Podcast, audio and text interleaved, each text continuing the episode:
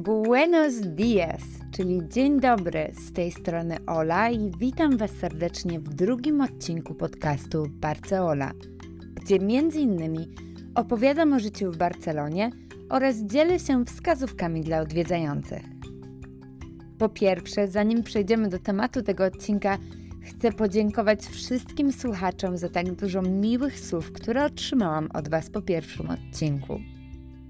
Naprawdę zrobiło mi się miło na sercu czytając Wasze wiadomości, więc jeszcze raz dziękuję Wam pięknie.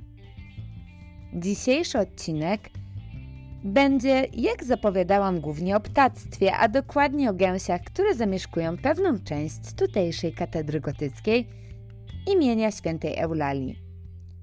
Jeśli byliście tutaj wcześniej, to wiecie, że katedry tej nie da się nie zauważyć, bo jest przepiękna a jej detale szczerze zapierają dech w piersiach. A jeśli nie mieliście jeszcze okazji przyjechać i zwiedzić Barcelony, to na chwilę możecie zamknąć oczy, chyba że prowadzicie auto bądź wykonujecie inną czynność, która wymaga Waszej uwagi. Tak czy inaczej, wyobraźcie sobie piękną fasadę, na której znajdują się niczym kamienne koronki gotyckich dekoracji – które wieczorami zatopione są w pomarańczowo-złotych promieniach ciepłego hiszpańskiego słońca.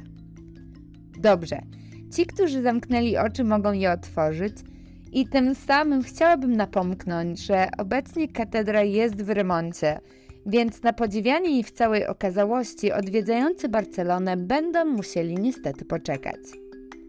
Póki co zobaczycie tam głównie szyldy sponsorów remontu, czyli można pomyśleć, że nic ciekawego, ale ja i tak Was zachęcam, żebyście tam zaszli, bo jej historia, która sięga XIII wieku, jest wyjątkowo ciekawa. Otóż na jej budowę zdecydował się ówczesny arcybiskup, który zlecił wybudowanie katedry w stylu gotyckim na miejscu wcześniejszej świątyni rzymskiej. I tutaj mam dla Was, moi drodzy, pewną wskazówkę. Jeśli przy okazji pobytu w Barcelonie macie ochotę pochodzić po muzeach, to szczerze polecam Wam Muzeum Miasta Barcelony, które tak jak katedra znajduje się w gotyckiej dzielnicy zwanej Gotico. Możecie podziwiać tam historię miasta od najwcześniejszych czasów, w tym rzymskich, aż po czasy współczesne. I największą jak dla mnie frajdą w tym muzeum jest fakt, że przechodzi się przez pozostałości rzymskiego miasta, ówcześnie zwanego Barsino, zwiedzając jego kanały, domy i rynki. I uwierzcie mi, że można tam poczuć, jakby się podróżowało w czasie, a tym samym zwiedzających może zaciekawić historyczne nawiązanie do katedry, o której dzisiaj mowa. Więc powracając do katedry, Pomimo, że znajdują się w niej różne skarby, jak to w katedrze, i zabytki, takie jak liczne obrazy, pomniki, klasztor i ogród, a także kaplica świętej Eulalii, jednej z patronek Barcelony, to zauważyłam, że widokiem cieszącym się największym powodzeniem są mieszkające tam gęsi. Bo są śliczne, och i jach, jak to gąski, ale myślę, że ważna jest wzmianka o tym, że uważane są one za element dziedzictwa kulturowego Barcelony i przypominają one o dawnych tradycjach miasta. I słuchajcie, krążą o tych gęsiach przeróżne legendy. I każdy tubylec opowiada swoją wersję, niektóre z nich mniej lub bardziej podobne. Myślę też, że te opowieści, jakie by nie były, na ogół dodają uroku historii katedry. Ale ja mam swoją ulubioną wersję legendy – i tą właśnie chcę się z Wami podzielić. A więc, mówi się, że podczas budowy katedry zawsze kręciły się koło budowniczych gąski i pomimo prób odgonienia ich, te ciągle wracały. Pewnego razu podczas trwania wojny pomiędzy Katalonią i Kastylią, grupa wrogich żołnierzy chciała spalić katedrę. Ale te same gąski które miały zwyczaj kręcić się po wspomnianej budowie i denerwować budowniczych, zaczęły gęgać tak głośno, że ostrzegły ludność miasta o zbliżającym się niebezpieczeństwie, tym samym umożliwiając im ugaszenie pożaru, zanim doszło do znacznych zniszczeń w ich świątyni. W podzięce gąski dostały swoje miejsce w katedrze i już nikt nie chciał ich stamtąd wygonić.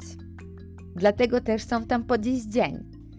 Oczywiście jest to legenda, która możliwe, że nie ma zbyt większego pokrycia w realnej historii, bo jako takich zapisów o tym wydarzeniu nie ma i istnieją inne odpowiedzi na pytanie, po co gęsi żyją w katedrze. Ale wiem, że historia, którą się z Wami podzieliłam, jest opowiadana w podobny sposób przy okazji wycieczek z przewodnikiem. I z mojej strony, pomimo że przy odwiedzinach gąsek można poczuć coś, co postaram się nazwać jakoś ładnie i nieodpychająco, czyli zapachy spod gęsiej pachy, to jednak jest to coś niecodziennego i warto je zobaczyć. Na dodatek, wstęp do części katedry, w której znajdują się gąski, póki co jest bezpłatny. W odróżnieniu do wejścia przez główny portal katedry, dlatego tym bardziej będąc w dzielnicy gotyckiej, warto tam zajść. Ale to nie koniec ciekawostek, ponieważ będąc przy stawie z fontanną, przy której mieszkają owe gąski, możecie zacząć się zastanawiać, ile ich tam jest. Wiem, że wiele ludzi zaczyna je liczyć. Dlatego pozwólcie mi na to pytanie odpowiedzieć, ale zanim to zrobię, musimy powrócić do wspomnianej wcześniej świętej Eulalii, kopatronki Barcelony. A więc kim była Eulalia? Jeśli wierzyć temu, co napisane jest w internecie, to była ona młodą dziewicą, która, jak głosi tradycja katolicka, umarła śmiercią męczennicy w czasach rzymskich – kiedy to wielkorządca Dacjan prześladował chrześcijan. Biedna Eulalia miała wtedy zaledwie 13 lat. To zbyt młody wiek, ale to właśnie w tej liczbie ukryta jest odpowiedź na pytanie, ile gąsek mieszka w klasztorze, bo jest ich dokładnie 13 i reprezentują wiek owej świętej.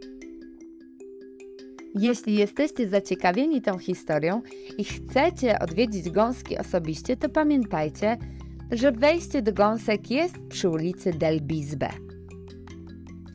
Ostatnią ciekawostką jest fakt, że sporo turystów myśli, że to Sagrada Familia jest katedrą Barcelony, pewnie dlatego, że jest to jedna z najbardziej rozpoznawalnych i majestatycznych budowli w Barcelonie i cieszy się ona statusem dziedzictwa UNESCO. Do Sagrady Familii, a dokładnie jej projektanta Antoniego Gaudiego, wrócimy w trzecim odcinku. A teraz podsumowując.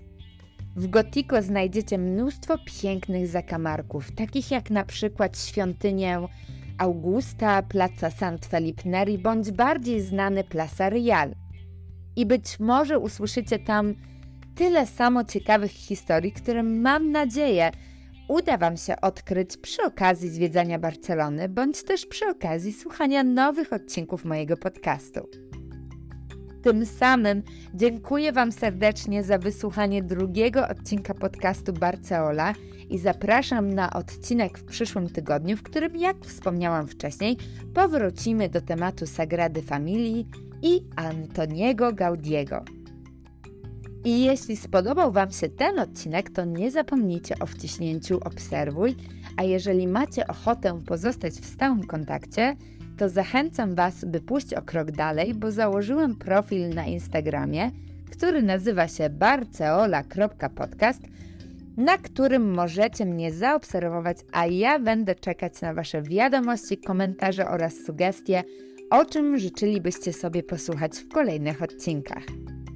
Postaram się też dodawać tam dużo wpisów o Barcelonie, aby wasze uszy, jak i oczy pozostały w stałym zachwycie nad urokiem tego miasta. Tymczasem do usłyszenia, bądź cytując klasyka, hasta la vista, baby.